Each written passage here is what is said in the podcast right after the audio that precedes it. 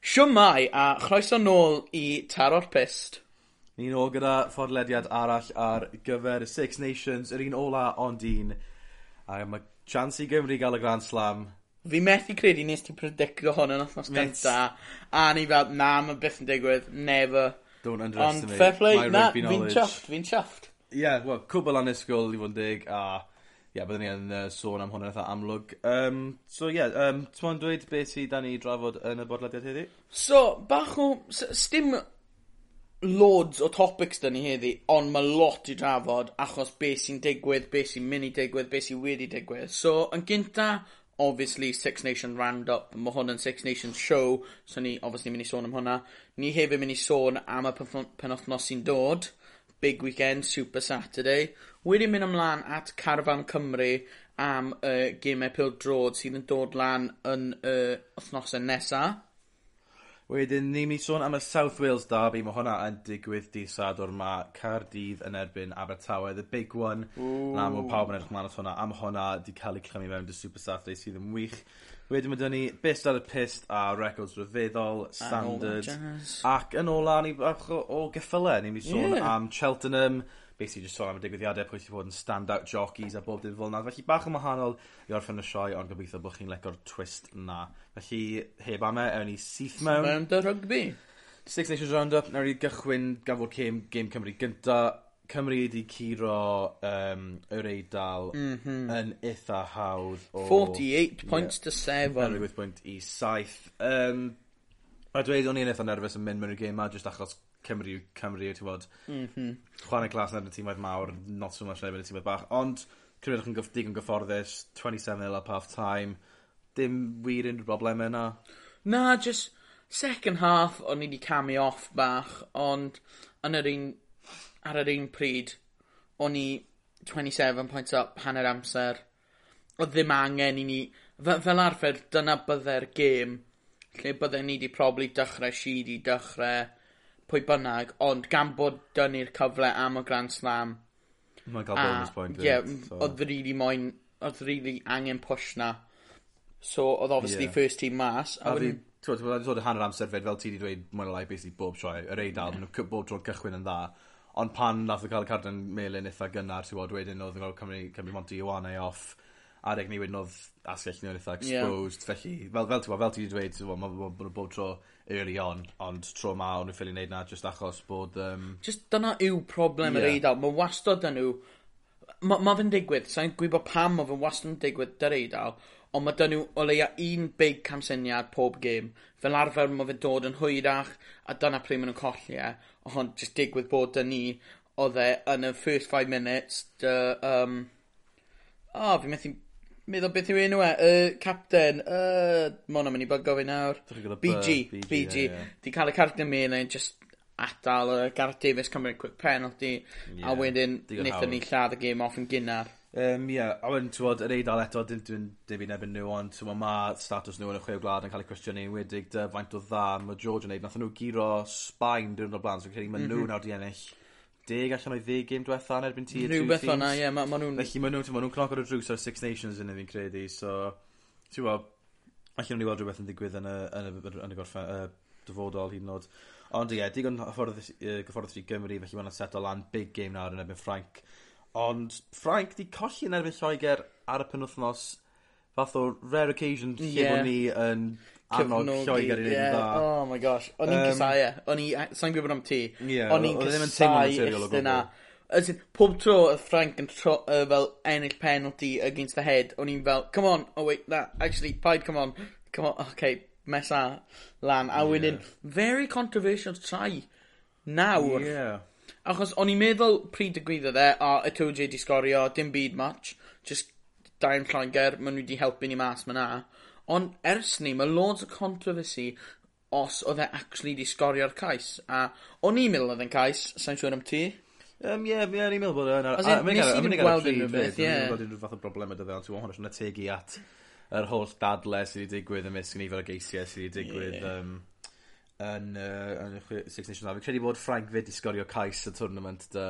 Oh my god. Sa'n cofio pa gais um, Cais, Uh, penno fi credu sgoro fe. Ie. T'wod... Jyst anhygol o'r line out just jyst chware mor hylifol a wedyn just yn y gornel ti ar diwedd yn um, chwarae tywod. Fath o neud beth mae Lloegr yn neud, fe arfer Lloegr yw'r rai sy'n sgorio off y line-outs. Ie. Yeah. Ond tro mae Frank oedd yn neud. Ond um, ie, yeah, hanner amser oedd e'n 17-13 Frank, felly oedd e'n edrych yn dda iawn i Lloegr nac, nac i, uh, na i Gymru ar yr adeg na. Ond yn diwedd, ti'n 23-20, E, oedd e'n good, very good game of rugby o'r e, iawn. O, o'r neutral perspective, oedd e'n game dda. anhygoel o'r iawn, rhaid dweud. Felly, um, ie, yeah, yn sicr, twod, ond mae hwnna'n ideal iawn i Gymru o ran Frank yn colli ond eto bydden nhw moyn neud, neud lan am y peth y penwthnos mm. ma, bydden nhw moyn curo Cymru, a ti'n bod, bydd, bydd pont ac Olewon yn neud yn siŵr bod, bod Frank yn, yn chwarae'n ddigon dda yn mwyn sicrhau bod hynny'n digwydd. Cyn i ni symud ymlaen, wedys ti be, fi credu oedd y Six Nations official account i roi lan othnos ma, a yw Depont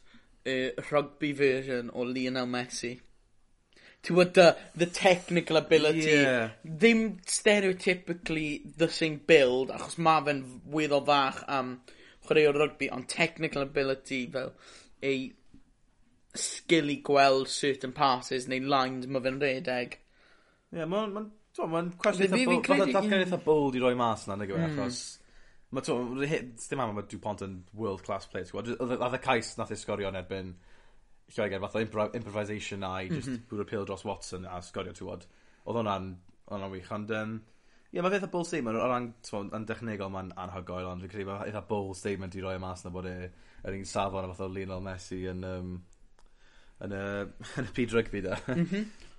um, wel cyn i ni hefyd symud ymlaen, just gan bod ni'n siarad am ni wedi miso fe dy gym Cymru Ond, fel, os chi ddim yn sylweddoli, mae dynnu trydar at taro there we go, plug mewn y gynnar, ond fel arfer, yn ystod Super Saturday neu unrhyw game y rygbi, ni wastad yn actif arno fe. Ni'n lico dal dis cael discussions ydych chi gyd, a geithon ni cwpl yn enwedig dy Aron penwthnos ma, nath, uh, penwthnos diwetha, sori, dim penwthnos ma, yn gofyn, um, a yw Lewis Rhys Samet a Josh Adams yn contenders i dychrau ar y wing i'r llewod. A gethon ni bach o discussion, o'n i yn personol yn meddwl maen nhw definitely mynd ar y bus neu y plane, so ni'n actually gwybod lle mae'r to mynd i gael ei chwarae. A yw... Um, oh, beth yw'r gad fi'n edrych am yn hyn? A yw fel experience Probably, rhywun fel yeah. May neu Watson. Yeah. Mahog mewn good form, Liam Williams hefyd 'na yw i'w experience nhw mynd i cymryd y dosto ond ar yr un pryd allet ti o'r di Samet yn dod off y bench i'r Llewod? Na actually achos yn wedig t'wod ma' jyst cyflymder e ar ben ei hun hmm. jyst mor anodd i ddelio 'da yn wedig ar cychwyn gym, a wedyn ti'n myn' mynd ymlaen yn y gym, ti'n bod 50-60 minutes tired legs dyna'r adeg pan ti moyn fresh legs yn wedig fresh legs rhi Sammet. Oh my gosh ie. Achos os mae'r amddiffyn 'di blino neu yn eitha fatigued T'wo, ti ddim moyn, y pe- y person ola ti'n moyn delio gyda yw Louis Rhys James. A fi'n credu mae Adams, ti'n gwbod, ma' fe Mae fe bro- brofiadol erbyn hyn, nag yw e, mm. ti'n bod, Top class scorer yn 2019 World Cup, mae'n cael very good Six Nations. Yn yn bendant bydd um, ar yr wyr mas na. Fi'n credu bydd e'n contention i, i gychwyn. O, bydden ni'n dweud bydd Adams 100% yn yeah. Just Rhys James Rhys achos James, ei- falle. unig brofiad mm. ef. Ond eto, ti'n ma' fe 'di bod yn anhygoel y Six Nations 'ma. Hyd yn oed yn y geme eto, mae fe heb sgorio ceisia ti'wbod. A m- a ti hi gweld bod e'n moyn sgorio ceisia. Ie. yeah. fe'n a mae fe hi gweld ar ei wyneb e a ti'n bod, ar be' ma' fe dweud bod e'n gutted bod e ddim yn sgorio. Hmm. So mae'n gwybod, mae'n moyn wella'i wella yy moyn gwella'i hun. A os oedd e'n cael y Lions call up yn eitha gynnar mlaen yn ei yrfa ti'n bod, falle fydd hwnna'n massive confidence boost iddo fe a wedyn falle fydd e'n um, uh, ti'n lot mwy hyfforddus yeah. a lot, lot mwy uh, hyderus, sori. Wel, mae fe currently, fi moyn dweud, mae fe tair cais mae fe wedi sgori yn pimp gêm dros Cymru, a nes i quick maths ar y pan wythnos, pryd wnes i y stat. Os mae fe'n cadw yn y lan, so, so, falle bydde ddim yn cael 100 caps. Obviously, ond os mae fe'n neud fel 80, bydde'n cymryd drosto fel Wales' most... Uh, Wales' leading all-time try scorer os mae'n cadw os mae'n cadw lafel lafel ddim y record ma obviously mae'n gynnar iawn i ddweud yeah. ond dynnu Ie. yeah. a wedyn y gêm ola penwthnos um, ar y dydd syl oedd yr Alban 24 Iwerddon 27 gêm gwych eto ar mhm. gyfer y neutral very high scoring game um, yeah just, just game o defence na gyda e? oedd e yeah. pwy defence pa tîm oedd yn well achos oedd oedd y ddoi tîm mynd i sgori digwyddodd e a dde just pa tîm oedd gallu dod mas ar top. Ie. Yeah. A jyst digwydd bod y defens Iwerddon bach yn well, falle, yeah. yn atal yr halban sgori. Ond hefyd, os o'ch chi wedi gweld enn i ddim, oedd just edrych nôl ar cais Finn Russell, one of the weirdest tries yeah, fi wedi gweld yn y wedda. Achos oedd Hog di wedi trwyddo, trio cico fe, a bach o controversy trwy uh, eto ond oedd e'n cleared up fairly quickly. Nath e bwrw penne a yn rygbi mae pêl bwrw pen ddim yn knock on so nath e bwrw penne wedyn bownsio off wedyn nath e cico fe wedyn oedd Finn Russell 'di trio cico fe trwyddo oedd James Lowe 'di kind of fel tapo fe lan cyn i Finn Russell dal e a mynd drosto. Just very weird try i gweld yn y byd rygbi. Ddim yn daclus iawn ti'n Na. Ti jyst fel gweld 'na fath o safon uchel Dim yn gwybod. Scrappy Sunday League-esg. Ie, yeah, ond um, yeah, werddon yn uh, Ciro unwaith eto.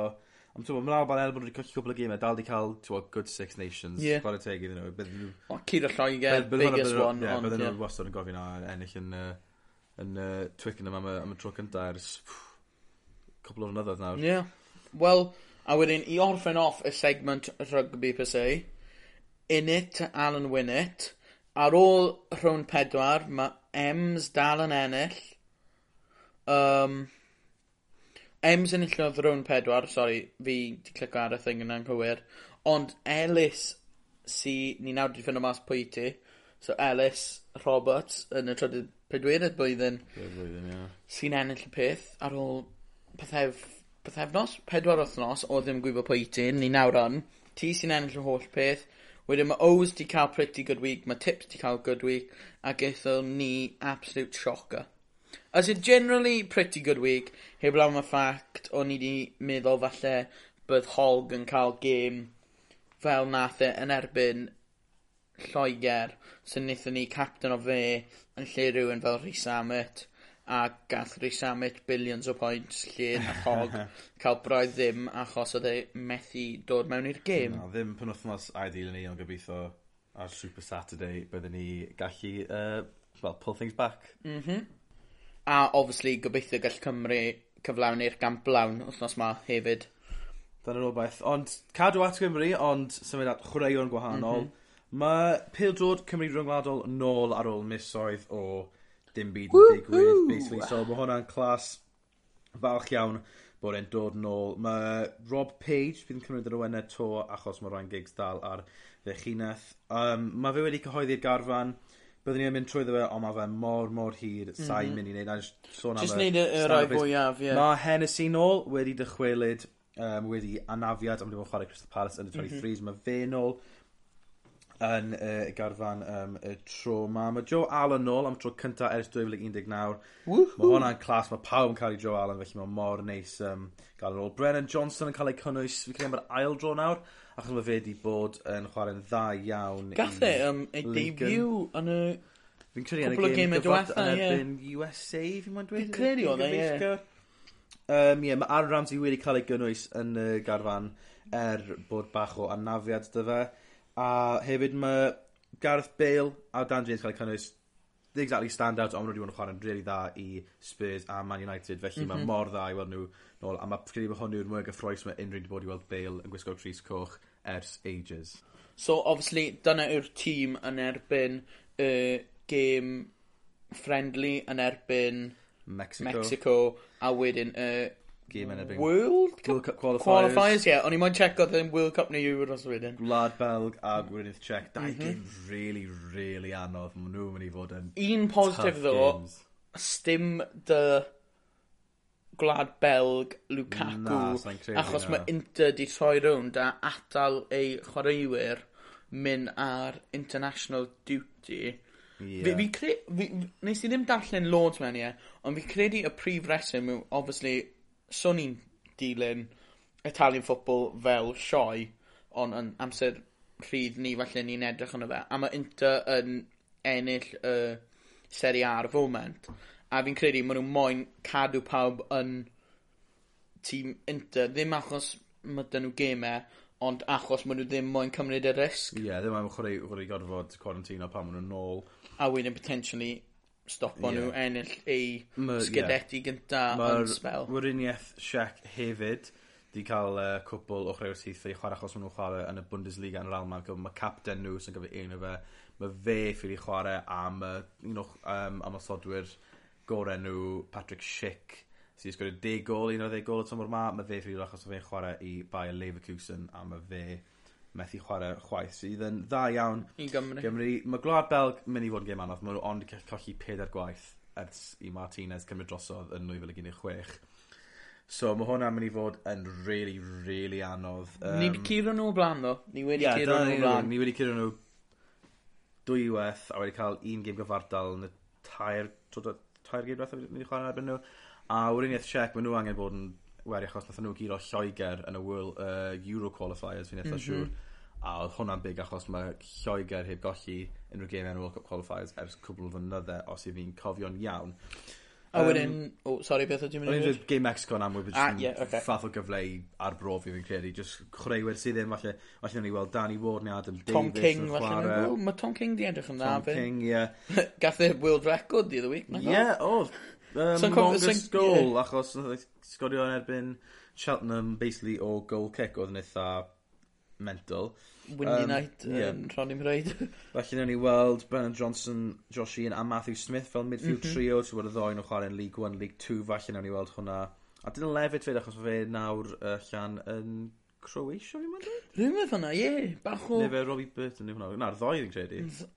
Mae Robbie Burton definitely achos nath ei chwarae yn erbyn... Dwi'n lefyd gyda tîm... Um, Ie, yeah, yeah, mae defo allan y Croesia, fi'n eitha siŵr. Oce okay, te. Be' ti actually meddwl de? Sgôr yn erbyn Mexico, obviously friendly so falle bydd 'da ni tîm fwy gwan mas. Beth yw predictions yeah. ti? Uh, fi'n credu Mexico, Mecsico fi'n credu sai'n meddwl bod lot o ots o ran y canlyniad. Yn amlwg o ran fel cael fel FIFA rankings a bob dim o ran cyfri ond fi'n credu jyst mwy o arbrofi gyda chwaraewyr bydd hwnna. Mhm. Felly sai'n credu ond bod fel y chwaraewyr sydd fel fath o fringe players os maen nhw'n chwarae'n dda fel bod nhw'n cam o gosach wedyn at falle cychwyn gemau i'r t'wod yn yn y qualifiers felly dyna yw pwysigrwydd y gêm 'na jyst neud yn siŵr bod y chwaraewyr ifanc chwaraewyr fath o dibrofiad sydd ddim fel arfer yn cael um, llawer o gêmau i'r tîm cyntaf, bod nhw'n bod nw'n chware'n dda dyna sy'n bwysig fyna. O ran mm -hmm. Gwlad Belg a'r Weriniaeth Tsiec licen i meddwl bod all- allan ni gyr o'r Weriniaeth Czech. Ie. Fi'n credu bod hwnna'n def o winnable game. A dy Gwlad Belg byddwn ni wir yn cymryd pwynt achos maen nhw, just mae carfan n'w mor gryf. O four four points from six bydden ni... Ie os ni'n ca'l pedair pwynt o'r chwe sydd ar gael, yn, bydden, yn benda byddai'n digon hapus uh, cymryd na cyn mynd mewn i'r gêm ar roc brofol nesaf. Um, yeah, bydd ti'n meddwl rhywun peth Ne? Uh, ideally four points, ond ti'n gwybod beth be sy'n ofni fi am Cymru? Allyn, pa, pa gêm sy'n gynta, ti'n gwybod? Glad Bell, fi'n credu. Ie, yeah, na, na beth, data sy'n help mi, ond beth o'n i'n mynd i dweud oedd yn gwybod Cymru, allwn ni'n gweld ni Ciro Glad Belg, the very good game, falle un neu doi nil, neu un, two one, one nil, good game, a wedyn mynd a colli i um, Gweriniaeth Czech. Yeah. Ond, ideally, ie, yeah, ped, pedwar pwynt trwy'r doi gêm yw beth byddwn ni'n lico in whatever way they come os mae fe digwydd bod y ffordd arall y rownd. Just ni wneud job yn galed i'n yeah, hunan. Ond... Um, Delfrydol iawn. Gym, well, dyna yw'r bwriad. So, yeah. gan bo hefyd dyna'r tîm o flaen ni, um, fi hefyd mynd i moe- moyn pwyntio mas mae Ben Cabango 'di uh, arwyddo contract newydd dy'r Swans echddoe neu ddoi, um, and basically cadw e at y lib tan 2025 i five fi'n credu e? Ie, twenty twenty five. A obviously mae fi yn gobeithio mynd i bod yn rhan hanfodol o tîm Swans sy'n mynd i edrych at wneud y double dros Cardydd am Fi moyn... credu bod... Fysa'n credu ma'n... Ers blynyddoedd. Na ddo, ie, sa'i actually gallu cofio tro diwetha. Fi'n credu... Nath rhywun. Sa'n credu ers troi y millennium, sa'n credu bod tîm na, achos mae wrth wedi bod na either dro neu win mm. neu win neu win fel un tîm yr un fath o beth. Yw byth i bod yn um, dau win. Ond yn amlwg mae hwn yn gêm mawr i'r ddau, ddau dîm wir achos mae Abertawe yn amlwg yn ddiweddar heb fod mewn ffom wych. nath nhw golli yn fath o'n embarrass i Bournemouth tri gol i ddim yn nghanol yr wthnos o'dd ddim yn cyflwyno dda iawn i ddynt o gwbl. Mm -hmm. Felly um, yn sicr byddwn nhw'n yn yn dda, mynd yn iawn am hwnna. Um, hefyd mae Caerdydd t'mod ma' n'w 'di neud yn itha dda ddiweddar mae Mick McCarthy wedi cael nhw'n chwarae pildrod deniadol iawn a maen nhw nawr yn y siowt gyda'r play-off places sydd yn fach, fach o beryg i Abertawe, achos os mae Abertawe ddim yn uh, troi ffwm nhw gwmpas a twod, ond ddim yn dechrau ennill geimau, e, ddim yn cael geimau cyfartal a falle a wedyn bydd ffôn nhw'n dechrau dipo a dyna'r unig peth, y peth ola bydde Steve Cooper a, um, a Abertawe i gyd mae'n. Really. Ond mae'r dab i ma fi'n credu mynd i fod yn gêm llawn cyffro achos am y tro cyntaf fi'n credu as blynydde mae'r ddoi dîm am mynd mewn i'r gêm mewn good positions yn y gyngrau. Ie yeah, wel ma' fe fi credu bydde technically the most competitive derby ma' 'na 'di bod mewn spel achos fi credu am tro gynta wel o leia ers i fi cofio gwylio pêl-drod dyma yw'r derby fel ti newid dweud lle mae'r ddoi tîm obviously mae'n curo i gilydd ond mae hefyd pwynt yn andros o bwysig i'r ddoi tîm o ran cadw eu s- eu sefyllfa yn y lig yr un peth. Fel, obviously, mae Swans angen cadw lan yn automatic promotion spot. Mae hefyd y Cerdydd yr urge nawr i trio gwthio ymlaen at promotion spot. So mae hefyd ddim just y rivalry rhwng y doi tîm, mae dy ti y rivalry bron dy'r lig i cadw yeah. neu trio troi rownd momentum bron achos yeah. mae fe'n heb bod yn nhw yn ddiweddar. So fel arfer mae hwn yn fath o, fath o bragging rights, ti'n bod, o, pwy sy'n mynd i curo, pwy sy'n cael y bragging rights yma chwech mis nesaf, tam y gêm nesaf yn dod, ond ti'n bod, mae hwn nid yn unig o ran fel arfer ti'n cael sefyllfa'r tîm oedd yn y gyngred os ni'n allu gêm allan i lipro o tîma, ond tro ma, mae'r ddoi dîm, mae Abertawn amlwg yn y playoff places yn barod, mae Cardydd yn trio gwythio i gyrraedd na, i fod na. Felly, ti'n mae'r ddau dîm ma, maen nhw moyn gwythio ar gyfer ddydd ni'n ei cael y bragan rights ond hefyd mae sefyllfa nhw a safle nhw yn y gyngran mor bwysig cyn bwysig gydag unrhyw beth arall uh, yn y cyfnod ma. A felly mae hwnna'n mynd i chwarae ffactor enfawr hefyd achos mae Abertawn ennill tywod, ni fath o back mae Abertawn fath o back on track wedyn nôl ti'n bod, mae fel anghofio'r game ball math na jyst symud ymlaen. So mae Cyrdydd nhw'n cario am momentum na. A os maen nhw'n cario ymlaen momentum na ti'n bod, gall unrhyw beth eich nhw'n cario ymlaen, cario ymlaen, cario ymlaen fath o tren sydd ddim yn ei gael ei stopio. Yr unig obeth yn credu ochr ni fel cefnog yn Abertawe yw bod yr un cys digwyddodd i Steve Cooper yn digwydd i Mick McCarthy. Mick McCarthy wedi mm. cael hyfforddwr y mis, felly gobeithio bod y fath o cys yn digwydd iddo fe, nath digwydd i Steve Cooper fyd, ti'n nath colli Huddersfield a wedyn colli Bournemouth fyd, felly gobeithio bod hwnna ddim, uh, ddim cweith yn digwydd. Ond uh, predictions ar gyfer y penwthnos? Sa'n rili really gwybod. As in fi o, o cefnogwr Swans, fi'n mae'n Swans ennill, ond bydde, bydden ni'n digon hapus i cymryd dro. Fi'n credu ond... gêm gyfardal bydd hi, ond yn amlwg fel cyfnog ar Abertawe, bydden ni moyn Abertawe ennill, ond fi eisiau credu bydd Sa'n gweld gêm cyffroes iawn, fi'n gweld gêm eitha bler yn bersonol, sa'n siŵr pa fi ddim yn gweld yes. e bod... Yn yw'n dy'r ffordd mae'r doi tîm di bod yn chwarae yn dda. Sa'n e. sa gweld y gêm yn fod yn un ddeniadol, un gwych i'r neutral, fi eisiau credu bydd yn gêm eitha bler, falle 0-0 one all draw, a fydd y holl hype sydd fel arfer mm. o hmm. gwmpas e, fath o'r kind of, just well, bach o ddys, um, gael ddistawi bach. Wrth i ti wedi bod yn siarad nawr, fi actually wedi cael look. Mae Swans, os maen nhw'n ennill, mynd i bod y tîm gynta i actually wneud y double. Mae fe byth di digwydd. Wir? Ie, yeah, nes wow. i mynd okay. nôl at 1912 neu rhywbeth pryd gath okay, um, big, yeah. Swans ei ffando. Bydde hwnna'n... A maen nhw byth, maen nhw byth di wneud league double. Mae ma di bod fel cup doubles neu beth yeah. bynnag, ond byth di bod league okay, double. Bydde hwnna'n eitha neis as allan ni gael y, double gynta mm -hmm. um, eriod. Felly, ffink, beth ydi croesi ar gyfer ochr Abertawe a pethau. Mm -hmm. um, Iawn ni nawr i best ar y pist ar y record feddwl, os chi'n gwybod hwn eto, lle chi bod hwn yn segment wythnosol a wedi bod ers beth sydd wythnos gyntaf iddi ni wneud y sioe ma well, dros flwyddyn yn ôl nawr. Ar y gweddill, o'n yw trydydd blwyddyn ni, nagwe? A i ail flwyddyn nath i gychwyn yn cofio. Dim, oh gosh, ie, ie, yeah, sorry, sorry. Ie, well, blwyddyn a hanner mae'n i bod. Blwyddyn a hanner, ie. So, yeah, um, Yes, wneud yr un peth normal. Record, Record, best record. Ti'n mwyn neud pildrod neu rygbi gynta? Eh, ni'n efo bod yn siarad am pildrod, so ewn ni am pildrod. Okay, hwn yw'r most defeats in an Gosh. FA Cup final Mae dau tîm yn dal records fi'm yn gwbod pwy yw'r dau tîm. A e. nifer o weithio wedi colli yn yr FA Cup final. Um, nâi jyst mynd off y top cyn ti roi clues. Yeah. Arsenal? Na. N'w sy'n dal y record am fwy o yeah. wins fi credu. O'n i'n meddwl falle Um, Spurs? Na. Oh, so ma'r ddoi, Mae un o'r tîmau time 'ma yn ever-present Premier League club. Ma' nhw byth i cael ei relegatio including First Division. Okay. A ma'r tîm arall nath nhw ennill e uh, y millennium 'ma 'di ennill e three times So 2000, they they've won it three times.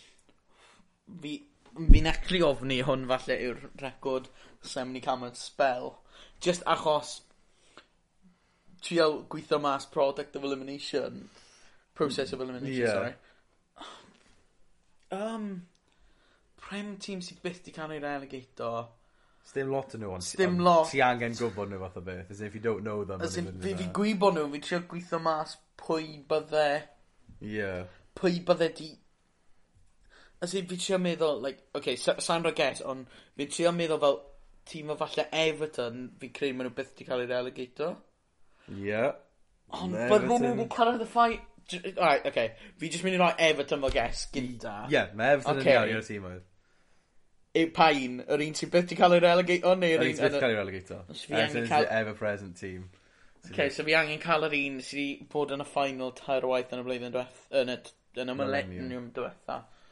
Um, Gallai hofyn os mae tîm 'ma hefyd yn ever present yn y Prem? Yn y Premier League ie. Including First Division na. Yw e United? United, Man United, ie. Yeah. So mae'n gesio mm. faint o weithio yn colli yn y final rhwngthyn nhw. Creu tawn United, bod y record to hold. Um, rhyngddyn nhw, neu... Oh, as in, like, as in, mae nhw ar yr un rhif. Um, chwech? Bach mwy. Wait, mae Everton di colli that amount of times yn y millennium ma. Na, na, na, na. Oh, like, all time. Oh, okay, time. okay. O'n i'n meddwl ti di meddwl nhw wedi colli chwech chwaith. Um, saith? Fod mo. Oeth? Oeth, yeah Hei! Oeth, yeah, so... Na, not... Ydyn, cogi oeth gwaith o, as in... Fi fel, un diwetha Everton yn 2009. O, o'n i'n mynd i dweud, pryd o'n ti wedi dweud, o'n i'n meddwl oedd y record yn, yn, yn y millennium ma wedyn, so o'n i'n bod yn y ffain you Imagine that? A ni colli chwe 20 times. Lincoln, yeah. ec. Okay, um... And o'n i... Uh... O, best ar y pist. Sorry, o'n i'n switch off wedyn. Oedd hwnna'n galed. Nes i stryglo dyna, right. Um, So, gan bod yn sioi rygbi, fi'n mynd am chwarae o rygbi. So, ti moyn y tîm oedd neu y clues gynta? Um, na i gael y clues gynta. Okay. So, nath y chwarae o rygbi ma ddim dechrau chwarae rygbi at y professional standard nes oedd yn 23. Okay. So, late bloomer. Mm -hmm. um, mae fe hefyd 'di siarad yn publicly am y ffaith bod e'n dyslexic a mae hwn nath hwn causo problems i fe pryd nath e symud dramor i chwarae rugby. Iawn. A wedyn, yn olaf, uh, mae fe'n married to an ITV Wales presenter. Sa'n mynd i dweud y name of the presenter achos okay. bydd hwnna obviously yn rhoi bach o clue. Ond gan bod ti moyn mynd mewn i journalism, falle bydd hwnna'n helpu ti. um, so, tîm oedd mae fe'n ei chwarae i. Llanelli RFC, wedyn Llanelli Scarlet, Ospreys, Clermont a Dragons. Okay. Um, just off top pen fi, fi'n mwyn dweud Henson. Na. But it's not, is it? It's no. not. Oedd Henson yn gynnar, fi'n credu oedd Crom wedi gadael rygbi ar yeah, 23. a mynd i neud... Yw e dal i chwarae rygbi nawr i Dragons? Na, di, mae fe... Nath e... Fi mo'n dweud am ymddeol yn 2015. Oh. Um... Mae da fi un mwy cliw. Ond fi generally yn credu... Ia, yeah, gael un ges arall. Ie, yeah, cael un ges arall, achos fi credu... Achos nes... boi ma, ddechrau e? Ospreys, ond os chwarae Lee Byrne? Ie. Oce. Lee Byrne? Lee Byrne. Ie! oh, reit! An- Andrea Byrne? Fi moyn dweud yw'r yw gwragedd. No clue. No clue. A y cliw olaf fi'n mynd i bod mae fe 'di recently ffoundo Coffee Company, oh, dy tair arall yeah. o The Ospreys Golden oh, Fab Four, yeah. but I didn't want to say Fab Four achos. Okay, yeah, fair. Okay, so record rugby. Iawn. Oldest player to appear in a World Cup final. Oh, flippin' heck, okay. Mon yn un. Ah, anon I, I, I won't lie to you.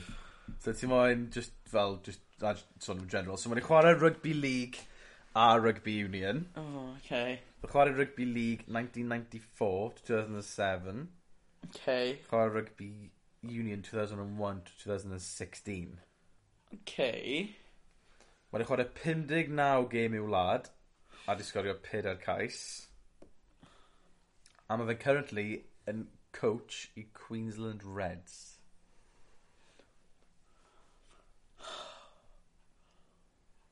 Oh my gosh, mae hwn yn gael. Mae hwn, this is a hard one, I'm not gonna, mae hwn yn, fi wedi kind of stiff o ti fan hyn, mae hwn yn really anodd. Damn it, wedi gwylio Super Rugby yn spel. Byddwn ni falle wedi gallu cofio. Mae chwarae second row neu prop. Ooh, what a weird combo. Mae fe'n bach yn weird, ie. Yeah. A'n chwarae rugby mig, Ooh, okay. Um, fi i dweud Brody Retallick ond fi gwbo ma' fe ddim yn e achos ma' fe dal yn mm. chwarae nawr. Na. Um, oh my gosh ma' rhaid i galed. Uh, Bydden i'n will I kick myself os fi ddim yn cael e? Um, I'm not hundred percent sure to be honest. Sa'n gwbod os ti'n gwbod y boi as in I roi hint i ti mae'r final yn the twenty eleven World Cup final. Okay. So my gosh pwy odd Fi'n mynd i gesio New Zealand Newydd, ie. Ie. Oedd e Zealand Newydd. Yn erbyn... O, oh, Frank. Sorry, Frank. Ie, yeah, achos oedd Sam Warburton yn y semi-final. Dwi'n rhyw hyn, doedd e ennill y Heineken Cup gyda Leinster yn 2012. Nes i gwylio gym na fyd. Oedd Ospreys na. Um, uh, Mae'n rili really mynd i pygo fi, ond Sa'n sa actually gwybod, fi wedi mynd yn blank. Sa'n gallu meddwl mynd. Sorry, dwi'n Brad Thorne. Na, byddwn ni byth i gael yna, na. A nes i just ed o trwy record. Ie, na, na, na, oh, good record, blinking heck. It's a hard, Oedd lot na ni fel, no chance, as in, youngest player to, played to, to appear in a World Cup match, mae'n chwarae Georgia, Ooh. Lobs and Deezy. Na, mae ma lot o records. Pa mae ifanc o dde, o'n i'n mynd i dweud, achos mae North, probably. 18 years, 240 days. Oedd North yw'r youngest try scorer. Fi credu mae North yn youngest appearance, ond rhywbeth fel three undred yn Gosh, but North ddim yn far off record na. Na fydd e ddim fydd e ddim. Gosh wow, flipping heck, oedd hwnna'n un ga- O'n i genuinely... Tough one. O'n i methu meddwl o gwbwl pwy... Flippin' eck. Ie. Oce Right. Symud ymlan de. I orffen off Cheltenham. Mae hwn yn fath o eitha newydd i ni, fel arfer, ti'n gwybod? Byddais oh. ti beth yn fel ni fel arfer yn cyfrin the 305 o fel Dunfa neu Foslas neu beth hwnna. Ti byth yn gweld, ond ti'n gweld, gan fod hwn rhywbeth mor fawr, mor ganolog i. Ond yn wedi gothnos ma, maen nhw wedi... Ie. Ddoi ni heddi fi credu. 40 rhywbeth milion? reach ar... Ie, ar... Yeah, ar yn, um, Twitter. Yeah. A wedyn, fi credu heddi oedd dan nhw dros hanner mil o viewers. A obviously, daytime TV, so na, yeah, so na fel arfer yn uchel. So, ie, yeah, fi credu, othnos ma, mae just pawb di, falle trwy lockdown, dyn, dim lle i fynd. Just rhywbeth i wylio, nag o, e, as in... Rhywbeth i wylio, a... a mae'n gyffroes, mae'n gyffroes. Yeah, ni di bod yn wylio fe yn y tŷ, a oh my gosh, mae fe mor... Pryd... pryd pryd mae'r actual races arno, falle y bits lle maen nhw'n trafod fwy, ni ddim yn talu gormod o sylw. Yeah on a bit premium races ymlaen, ti'n rili really mewn ie. Ie, mae'n ma rhywbeth really cyffroes a... Fel arfer Cheltenham ar fel Grand National fel the big ones ti fel arfer mm. yn gwirion gwe, ond just, y Cheltenham ma, just Rachel Blackmore, mae hi di bod yn anhygoel um, uh, Cheltenham Festival ma. ti'n bod, mae'n cael six wins, fi'n credu? Six wins, a so, so, gwybod, achos mae doi ras di bod ers i ni dechrau, di dod lan i ffilm o hwn, so ni heb bennu e off, ond pryd dethon ni lan i ffilm o hwn, oedd hi actually six wins to GB's four. So, ar y... As in, ma nhw wedi dweud, mae I Irish di absolutely rhywun o uh, Prydain um, othnos ma, ond mae hi literally di wneud e hanner o fe ei hun. Ond yn ymffodus, nath hi miso mas ar y Gold Cup heddi i um, Matty... Uh, Sa'n gallu cofio enw e. Um, Jack Kennedy, sorry, ddim Matty. Um, Jack Kennedy, pwy enillodd y uh, Gold Cup, sef fel biggest race, arguably, um, uh, Cheltenham, y Cheltenham Festival. So, yn ffodus nath i miso mas, dim ond cwpl o lengths oedd mewn e. Yeah. Ond, a very good race hwnna. Ie, yeah, ond really gyffroes i olio yn amlwg. Just heddi, Mae, ie. Yeah. Mae heddi wedi bod yn absolute random day o fewn Cheltenham. Mae ma pawb... Mae lot o... Mae ma, bookies yn ffiwmyn i ryw radde, achos mae ma nhw, obviously, dy horse racing, mae beto yn rhan fawr o fe.